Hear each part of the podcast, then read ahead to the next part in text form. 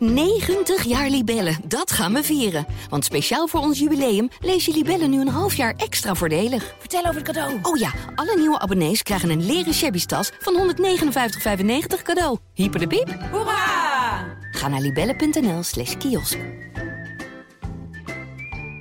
In 1986 wordt er een moord gepleegd. Het is een moord in huiselijke kring, ergens in een buitenwijk van Stockholm. Het slachtoffer is een 30-jarige vrouw. De dader, haar stiefzoon Samir Sabri. En vrijwel gelijk als de politie ter plaatse is, bekent hij haar vermoord te hebben. Op basis van die bekentenis en ander bewijsmateriaal wordt hij veroordeeld tot een lange gevangenisstraf. Alleen kort daarna beweert hij onschuldig te zijn. Terecht of niet? Je hoort het in de stiefmoedermoord.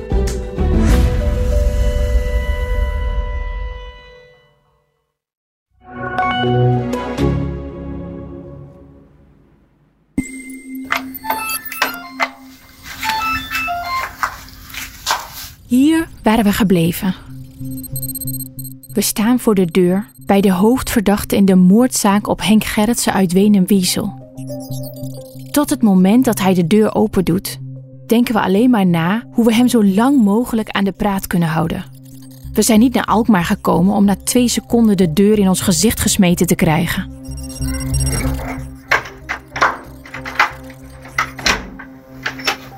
Goedemiddag. Hallo. Goedemiddag.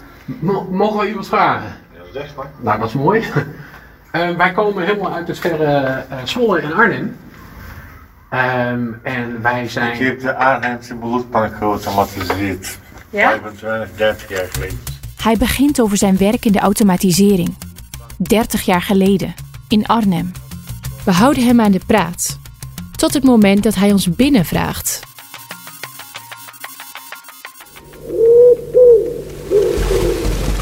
Je luistert naar De Moord op de Duivenmelker. Een podcast van het Algemeen Dagblad en de aangesloten regionale dagbladen. Mijn naam is Berenien Tetelepta. Samen met Casper van Oorschot doe ik onderzoek naar een cold case. De moord op de geliefde Henk Gerritsen.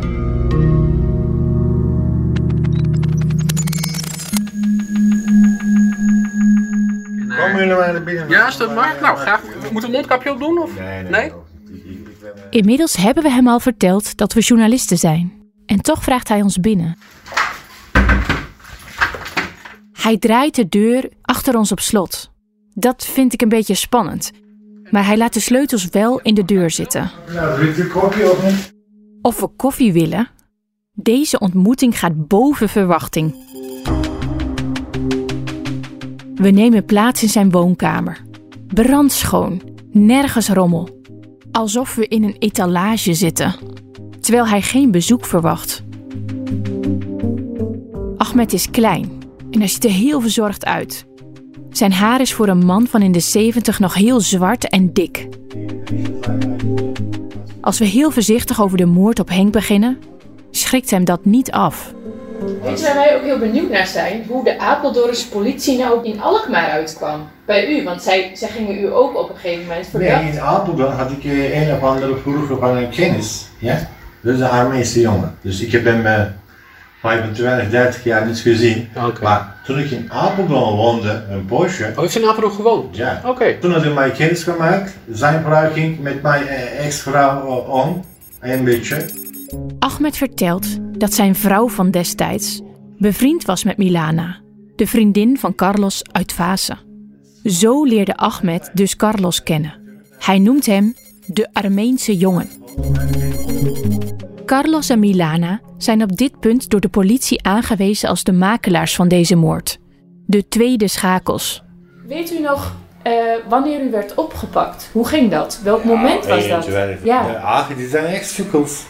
Want er was een jongen, ik zag toevallig bij disco. Ik was in disco. Ahmed zegt dat hij in een discotheek stond met een vriend. Die vriend vroeg of hij bij Ahmed mocht logeren, omdat hij thuis problemen had. Ahmed wil ons eerst graag duidelijk maken dat hij niet zomaar mannen mee naar huis neemt. Hij praat minutenlang over zijn uitzonderlijke intelligentie, de hoeveelheid geld en bezittingen die hij altijd heeft gehad en hoeveel knappe, jonge vrouwen hem altijd hebben gewild. Wij knikken. En hij vertelt verder.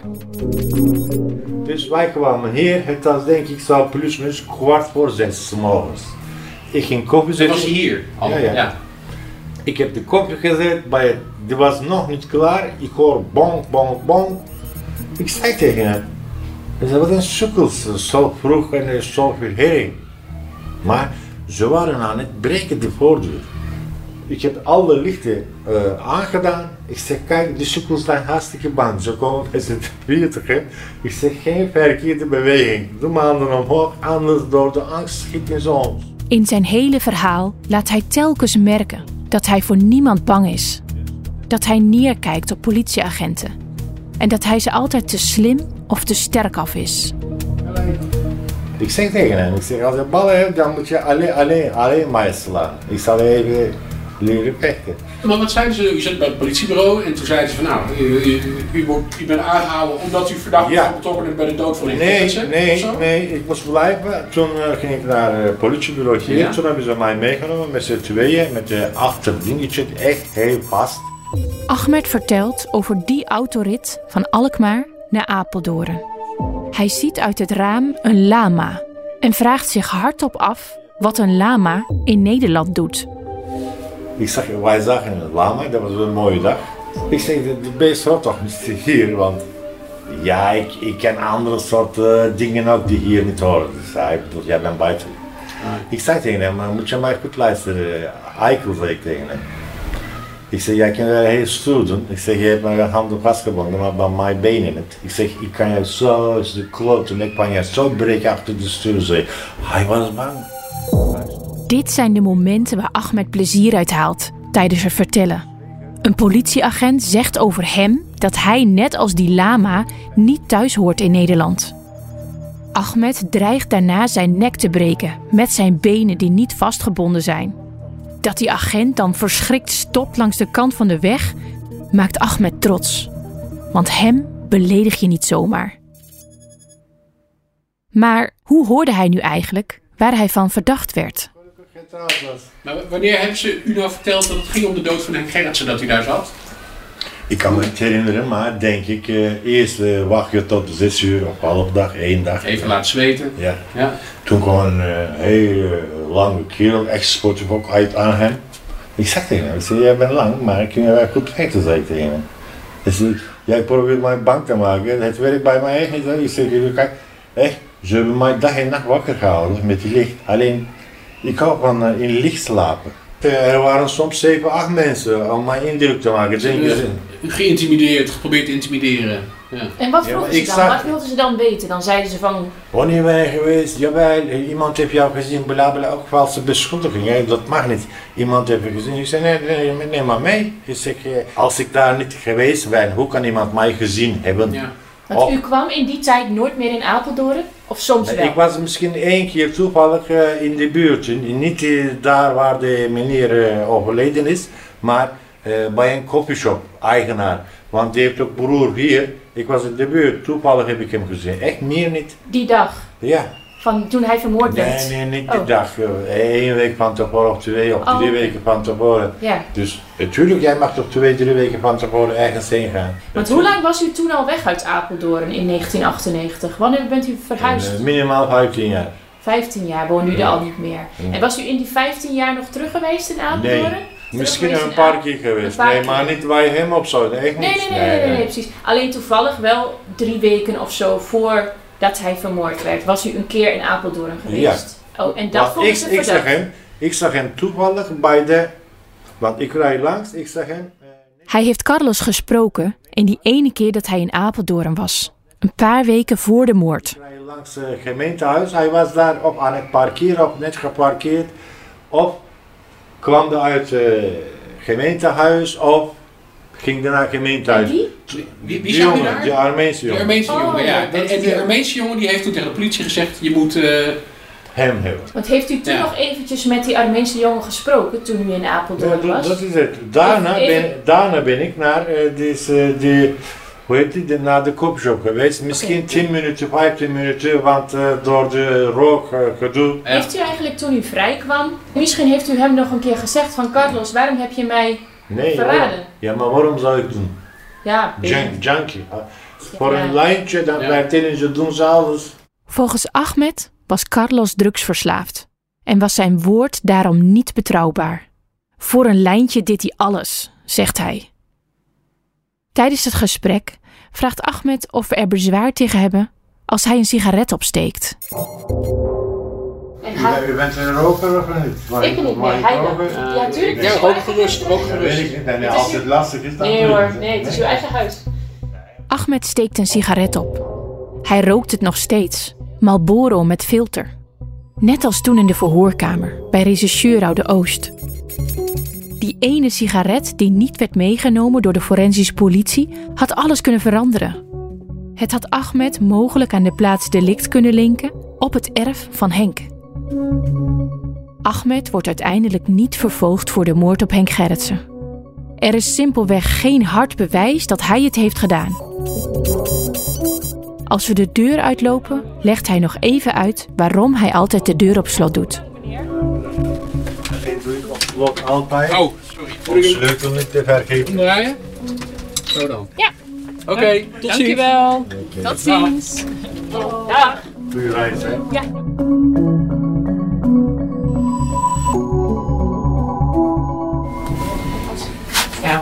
alles door elkaar, hè? Van grootheidswaanzin tot... eh, ja.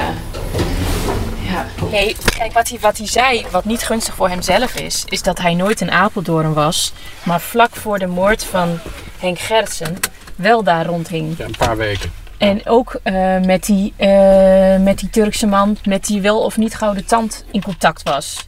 Dus dat gedeelte van het verhaal is dan ja, niet gunstig voor hem. Dat snap ik wel. Hij is daar in één keer. Hij heeft contact met die, eh, met die man. Met die eh, Armeense man. Ja. Ja, ik ben wel echt super blij dat we naar binnen mochten. Volgens Ahmed was de enige verdenking die de politie tegen hem had dat Carlos, de Armeense jongen, had gezegd: Je moet Ahmed hebben. Maar ik kan me haast niet voorstellen dat de politie alleen op grond daarvan hier in Alkmaar een deur in ramt en hem meeneemt en zeven weken vastzet. Dan moet er meer zijn. Ja, dat denk ik ook, ja. Dus ja. Dat, dat geloof ik eigenlijk. Maar hij bevestigt wel dat lijntje wat we zelf ook al via de politie hadden, namelijk er was een makelaar, dat was die Armeense verslaafde jongen. Mhm. Eh, en die, maar we weten nu eigenlijk ook nog beter wat de, wat de link is tussen Apeldoorn en Alkmaar. Omdat Ja. deze hoofdverdachte in Apeldoorn heeft gewoond en daar ook connecties had. En eh, daar ook nog was, vlak voordat eh Gerrit is vermoord. Ik denk dat die man heel blij, eh, blij was om eens een keer iemand te zien om, om eens een keer te kunnen praten. Ja, zo klonk het inderdaad wel.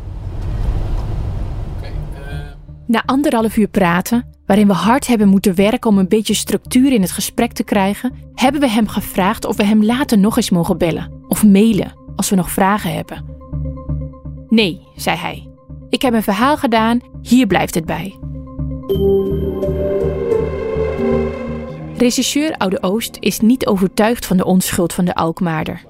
Het was een zaak die in zijn hoofd al rond was. Niet op papier. Wat had nou net het laatste stukje geweest waardoor u zegt, nu kunnen we dit praatverhaal Ja. op papier zetten? Ja, en, en als bewijs. Ja. pistool is, is dat ooit Nee, gevonden? is niet gevallen. Wat zou dat laatste stukje zijn waardoor u zegt, we kunnen het Maar ik heb altijd, ik heb altijd het, het, of het idee gehad, de, de hoop, zou ik maar zeggen, dat een van die drie gasten een, een, een, een vreselijk misdrijf zou, hebben, zou plegen. Ja, ik hoop het niet voor degene die het overkomt. Maar dat hij zo in de piepzak zit, dat hij denkt, nou, ik krijg eh 30 jaar en ik, misschien kan ik een deal maken met justitie.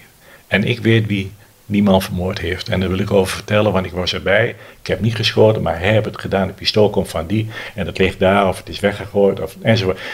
Dus daar de wetenschap en dat hij op zo'n manier dat wil inwisselen. Dat hij zegt, ik, eh, ik, wil, het, ik wil die zaak eh, helder krijgen.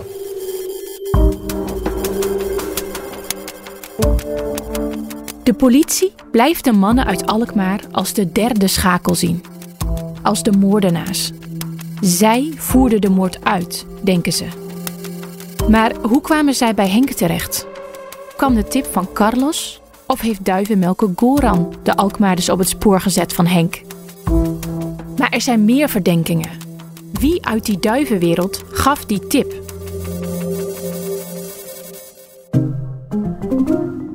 gaan naar een inkorfavond op het Duivensportcentrum in Apeldoorn.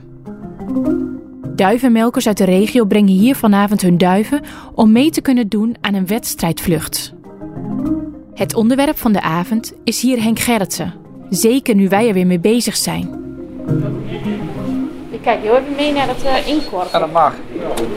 Zijn die van jou? Of, uh... Nee, dat zijn van iemand anders. Je mag nooit je eigen duiven, mag je nooit inkorven. Naar welke plaats gaan ze nou? Meerloen. Waar ligt dat? Is het in Frankrijk? Of, uh... Ze worden daar losgelaten en dan per adres heeft iedereen zijn eigen coördinaten. Dus het zal rond de 420 kilometer of zo zijn. Ja. En wie gaat ze brengen? Op de achtergrond speculeren de mannen erop los. Wie is de moordenaar van Henk Gerritsen? Ik denk niet dat het Joegoslaven of Tsjechië Ja, wel Maar Als ze dat gedaan hebben, dan ben- hebben ze In opdracht, er- hebben ze in opdracht. Waar het normaal lekker makkelijk is om te zeggen: wij waren het niet, het waren die buitenlanders, zeggen deze mannen die hier op deze inkorfavond zijn het opnieuw. Als er al buitenlandse betrokkenen waren, dan voerden die de moord alleen uit. Maar de opdracht kwam van binnenuit, vanuit onze eigen wereld. Allerlei verhalen vliegen over de tafel. Van duivenmelkers uit een groep die zo'n ruzie met elkaar kregen dat ze rattengif bij elkaar in de dakgoot strooiden. Over mensen die financieel geprofiteerd hebben van Henks dood. Over de hond die niet aansloeg op de avond van de moord. En over alle duivenmelkers die zij kennen, die er wel eens iets van zouden kunnen weten. Wanneer wij uiteindelijk weer vertrekken, hebben de duivenmelkers iedereen uit hun eigen kring wel minstens één keer beschuldigd van de moord op Henk.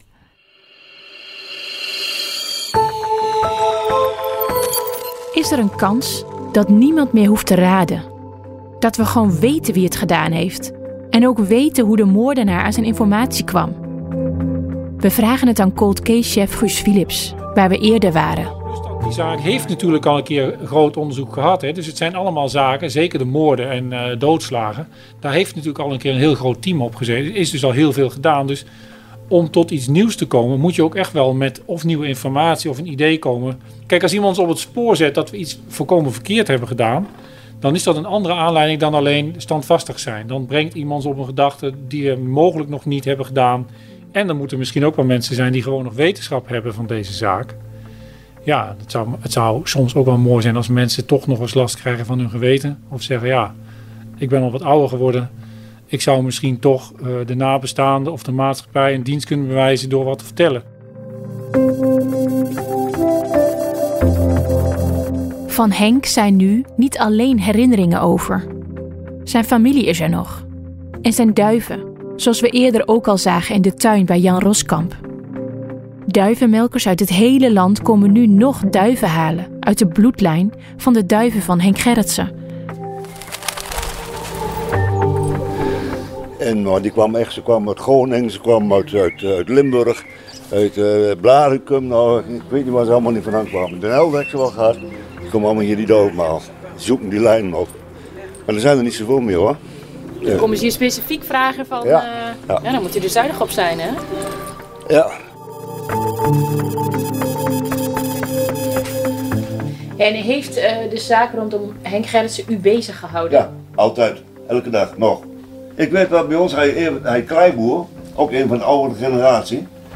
En die kleiboer die, eh, die was ziek. Die was zo fanatiek erop. En die had, eh, die had keelkanker, dus hij wist ook dat het ongeneeslijk was. En hij zegt, als ik weet wie het gedaan heeft, zeg, hè, dan ga ik er naartoe zeg, en ik maak, ik maak hem af. Hij zegt, dan sluiten ze mij maar op, en ik heb nog niet zo lang meer. Zo, Zo, zo diep zat er. Dat was Zo ook, diep een, zat er. was ook een duivenvriend van Ja, ja. Ook een bij ons het bestuur van de vereniging. Hij kon geen vrij. Echt, die had ervoor over om de laatste maanden dat hij eigenlijk nog leven. Uh, hij had een man die dat onrecht aangedaan heeft, een man die zo groot eerlijk is. Ja, dat zeg ik al. eh, als ik hier met de dader hierbij tegen had ik ook niet geweten wat, eh, wat ik. Ja, De zoektocht van Casper en mij zit erop. We hebben wekenlang rondgereden rondom Wenenwiesel, Apeldoorn en Vaassen. We hebben in archieven rondgehangen en bij heel wat deuren aangebeld die niet open gingen. Casper kan zijn busje weer gebruiken waar hij hem voor gekocht had. om ermee op vakantie te gaan, want de kantoren zijn weer open. Onze laatste ontmoeting is dan ook op de redactie. We hebben daar alle puzzelstukjes een plaats gegeven en wandelen nu afsluitend in het stadspark. Heb jij nou ook het idee dat echt iedereen in de omgeving van uh, Apeldoorn in de duiven zit? Ik heb wel het idee dat er heel veel uh, oudere mensen in de duiven zi zitten of zaten. We hebben echt zoveel mensen gesproken die in de duivensport uh, werken. Of nog steeds. En ook eigenlijk iedereen nog Henk Gerritsen kent. Zijn naam, Ja. zijn duiven. Ja, zijn reputatie. Ja, zijn reputatie. Ook heel bekend. En dan heb ik toch het idee dat bij veel mensen de moord minder is blijven hangen dan de persoon die hij was. Nou ja, we hopen natuurlijk dat naar aanleiding van deze podcast dat er toch iemand eh, last krijgt van zijn geweten. Of misschien dat iemand toch eens een keer gaat praten op het moment dat het hem goed uitkomt. Hè? Wat oude Oost ook zei. Als er iemand in een andere zaak eh, verdacht wordt en dat hij dan een, eh, een ruiltje wil maken met justitie. Als ik nou vertel over wat er toen gebeurd is in 98 met Henk Gerritsen, heb ik dan kans op eh, strafvermindering in de zaak waar ik nu in verwikkeld ben. Wat ik ook wel, waar ik gisteren keer aan moest denken, dat van alle mensen die wij hebben gesproken, heeft een aantal sowieso gelogen. Want we hebben een aantal hele tegenstrijdige dingen gehoord. Het is altijd dan interessant om in je hoofd na te denken van ja, wie, wie liegt er nou? Omdat er verschillende versies van, van het verhaal zijn. Waren, waren buurman eh, en Gerritsen nou goede vrienden of toch niet? Hadden ze een zakelijke relatie vooral? Ja, maar ook bijvoorbeeld eh, de politie toch echt zeker denkt te weten dat Ahmed het gedaan heeft. En Ahmed die zegt, ik heb het niet gedaan. Ook over de fraude bijvoorbeeld. Die eh, broer Dirk, die is gewoon veroordeeld voor die fraude. Die is ook aangetoond. Maar hij zegt, ik heb dat niet gedaan. Zo heb ik wel meer dingen gehoord waarbij mensen, ja, dat, dat, dat iets niet klopt. Eén van de twee kanten klopt Ja, niet. nou ja, dat gebeurt natuurlijk wel vaker. hè, Dat mensen strafbare feiten ontkennen en blijven ontkennen. Precies, maar dat is achteraf gezien dan wel interessant om te bedenken van gewoon een aantal mensen die ik gesproken heb, zullen niet de waarheid hebben gezegd. Of misschien dingen hebben geweten die ze niet verteld hebben. Ik dan ook te denken als je naar het karakter van Henk kijkt, hoe mensen hem hebben omschreven. Ik geloof dat Agnes de Bruin ook vertelde van ja, mensen maakten misbruik van Henk. Henk. En dat boeide hem niet. Daar focuste hij zich totaal niet op. Hij richtte zich gewoon op zijn eigen vrijgevigheid en, en dacht er niet over na als andere mensen misbruik van hem maakten. Zou dat dan ook bij zo'n moord, zou hij dat echt belangrijk vinden dat de onderste steen boven zou komen? Lijkt me in ieder geval iemand met een sterk gevoel voor rechtvaardigheid. Dat blijkt wel uit het feit dat hij zo heel fanatiek was op het aanpakken van die eh, fraude in de, in de, Ja, in de duivensport. Ja. Wat ik wel mooi vind om te zien is dat zijn, eh, zijn kennis en zijn ervaring over duiven nog heel breed wordt gedragen. Dus dat je bij al die duivenliefhebbers nog eh, afstammelingen ziet ook van zijn duiven. Ja. Nee, in die zin eh, blijft hij, eh, le- leeft hij wel een beetje voort eh, in de generaal.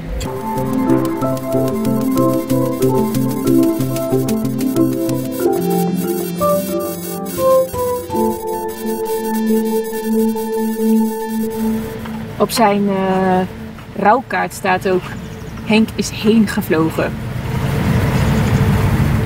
Ja, mooi beeld. Daar is ook gevlogen.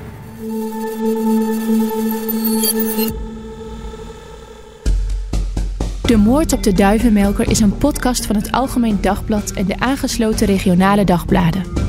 Hij is gemaakt door Casper van Oorschot en mijzelf, Berendien Tetelepta. Met edit, geluidsontwerp en postproductie van Art Kok en medewerking van Kevin Goes en Joris Roes.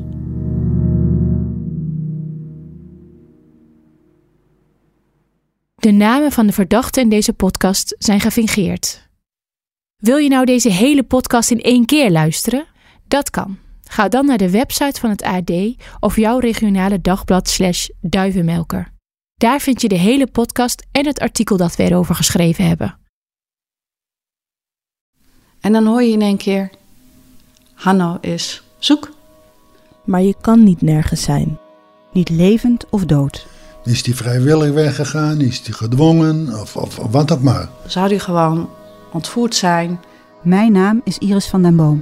En samen met Ditya Kabba ga ik op zoek naar wat er is gebeurd met Hanno. Een doodgewone vader die van de een op de andere dag spoorloos verdween. Hè? Hanno? Hoe dan? Waarom dan? Open Eind, een podcast van het AD. Vanaf 27 mei te beluisteren via je favoriete podcast-app en ad.nl/slash podcast. 90 jaar Libellen, dat gaan we vieren. Want speciaal voor ons jubileum lees je Libellen nu een half jaar extra voordelig. Vertel over het cadeau. Oh ja, alle nieuwe abonnees krijgen een leren shabby tas van 159,95 cadeau. Hyper de piep. Hoera! Ga naar libellen.nl slash kiosk.